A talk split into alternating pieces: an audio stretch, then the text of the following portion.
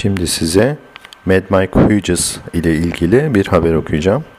Dünyanın düz olup olmadığını merak ettiğinden dolayı bir roket ile gökyüzüne yükselen Mad Mike oldukça başarılı bir uçuşun ardından yere inmeyi başarmış.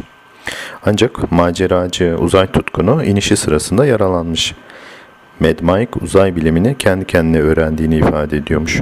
Kaliforniya eyaletinin işte Amboy bölgesi yakınlarında havaya fırlatılan Hughes Mojave çölüne düşmüş 61 yaşındaki Mad Mike roketiyle 575 metre civarında bir yüksekliğe çıkmayı başarmış.